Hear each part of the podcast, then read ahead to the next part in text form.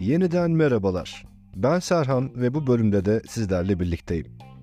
Bu sefer gördüğünüz üzere arayı hiç mi hiç açasım yok. Kolajenin ardından sıra geldi probiyotiklere. Ara sıra prebiyotiklerle de karıştırılabilen probiyotiklerin özellikle bağışıklık ve sindirim sistemleri üzerinde oldukça önemli etkileri var. Gelin biraz daha yakından bakalım.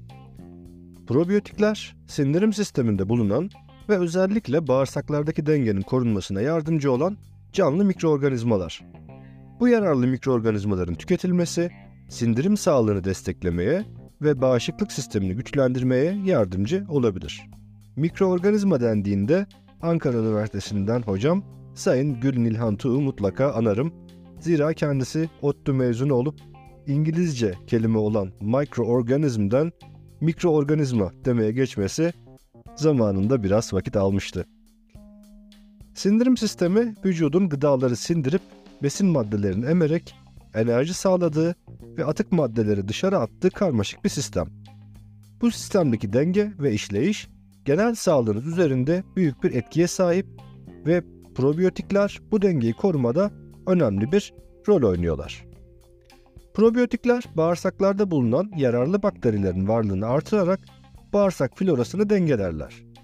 Bu zararlı bakteri türlerinin aşırı çoğalmasını önleyerek sindirim sistemi sağlığını korur. Bakteri deyince hemen gözünüz korkmasın. Zira daha eski kitaplara baktığımda mikrop olarak bile anıldığını görüyorum. İyi mikrop burada güzel bir söylem oluşturmuyor ama iyi bakterileri buradan çekip çıkarabiliriz. Bağırsaklarımızda yaklaşık 1,5 kiloluk bir bakteri florasına sahibiz.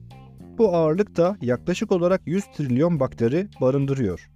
Bu floranın mikrobiyom olarak adlandırıldığını da görmemiz mümkün. Probiyotikler ishal ve kabızlık gibi sindirim sorunlarına karşı da etkili. İshal durumunda probiyotikler bağırsakların düzenlenmesine yardımcı olabilirken kabızlık durumunda bağırsak hareketliliğini artırmak gibi etkileri de olabilir. Burada lifli gıdaların tüketiminin de öneminden bahsedelim. Sonraki bölümde zaten detaylı bir şekilde inceliyor olacağız. Bu da sonraki bölüme dair bir ipucumuz olsun. Ee, irritable bağırsak sendromu yani kısacası IBS. Çünkü bundan sonra bahsettiğim zaman IBS olarak anacağım. Ee, bu gibi kronik sindirim sorunlarına sahip olan kişilerle yapılan çalışmalarda probiyotiklerin semptomları hafifletmelerine yardımcı olabileceği sonucuna varılmış. Ee, bu çalışmalarda IBS'li kişilerin bağırsak mikrobiyomlarında normalden farklı ve değişken bir bakteri profilinin olduğu gözlenebilir. Probiyotikler bu noktada bağırsak mikrobiyomunun dengesini düzeltebilir ve bağırsak duvarındaki geçirgenliği azaltarak iltihaplanmayı hafifletebilir.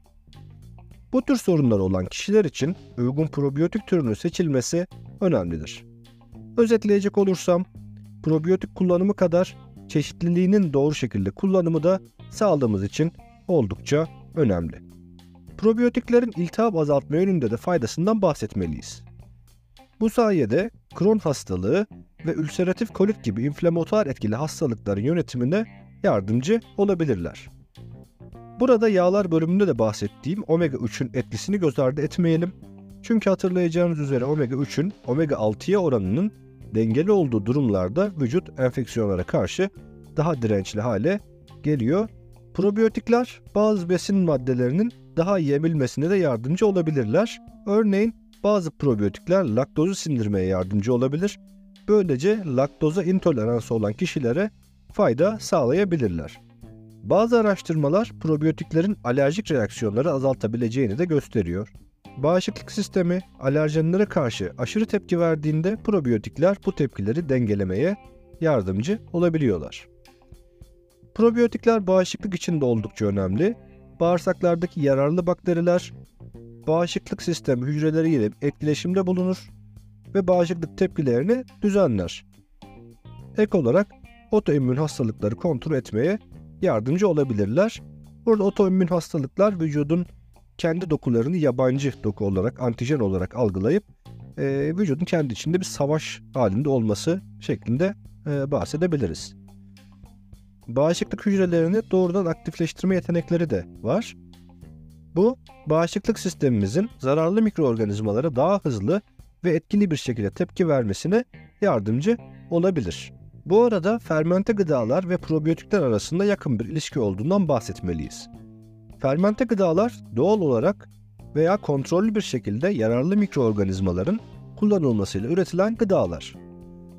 Bu yararlı mikroorganizmalar bu süreç boyunca karbonhidratları fermente ederek gıdanın içinde probiyotik bakterilerin oluşmasını veya artmasını sağlar. Örneğin yoğurt yapılırken Lactobacillus ve Bifidobacterium gibi probiyotik bakteriler sütteki laktozu fermente ederek yoğurdu oluştururlar.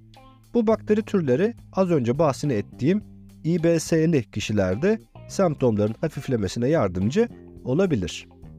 Fermente gıdalara birkaç örnek verelim. Mesela yoğurt. Yoğurt, Lactobacillus ve Streptococcus gibi bakterilerin bazı türlerini içerir. Bunlar probiyotik bakterilerdir. Bu arada yoğurt mayalamak diye bir tabir var. Ee, her ne kadar doğru olmasa da. Çünkü daha önce yapılan bir yoğurdun bakteri kültürünün kullanılması yoğurt yapımı için yeterli. Ayrıca bir maya çeşidi kullanılmaz. Yapım süreci hava sıcaklığına göre kışın ve yazın farklı süreler alabilir. Kesin bilgi için tabii ki annelerimize danışmak en doğru çözüm olacaktır. Ek bir bilgi daha. Rivayete göre tutmayan yoğurttan sirke yardımıyla peynir de yapılabilir. Hiç yapmadım. Bilmiyorum ama yaptığım araştırmalar sırasında bunu da görmüş oldum. Kefir. Kefir yine az önce yoğurtta bahsettiğimiz Lactobacillus e, türü probiyotik bakterilerin birkaç türü ve yine aynı şekilde Bifidobacterium e, gibi bakterileri içerir. Turşu yine Lactobacillus türleri probiyotik bakteriler içerir. Bu arada turşu ve turunç sözcükleri aynı kökene dayanıp Sanskrit'ten İran'a, oradan da Anadolu'ya kadar gelip dilimize yerleşiyor. Ekşi anlamına geliyor. Yani turunçgiller dediğimiz zaman özellikle portakalın bugünkü halini kastetmiyoruz aslında. Zira eski hali ekşi iken Portekizliler tarafından ıslah edilip tatlı bir hale dönüştürülmesiyle birlikte tamamen farklı bir sonuçla karşılaşıyoruz.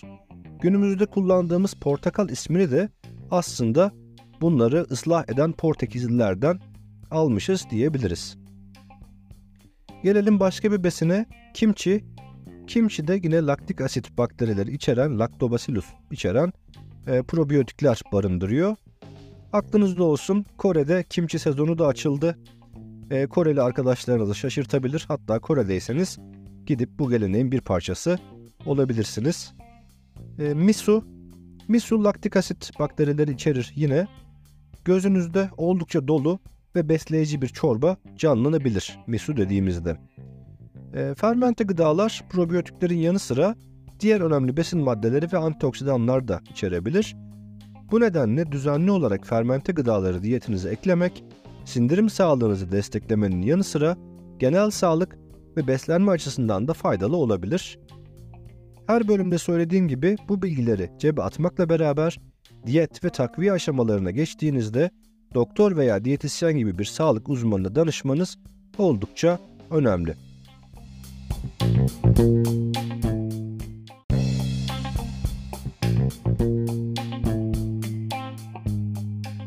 Evet bir bölümün daha sonuna geldik.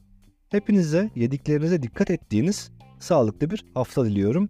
Kendinize iyi bakın. Hoşçakalın.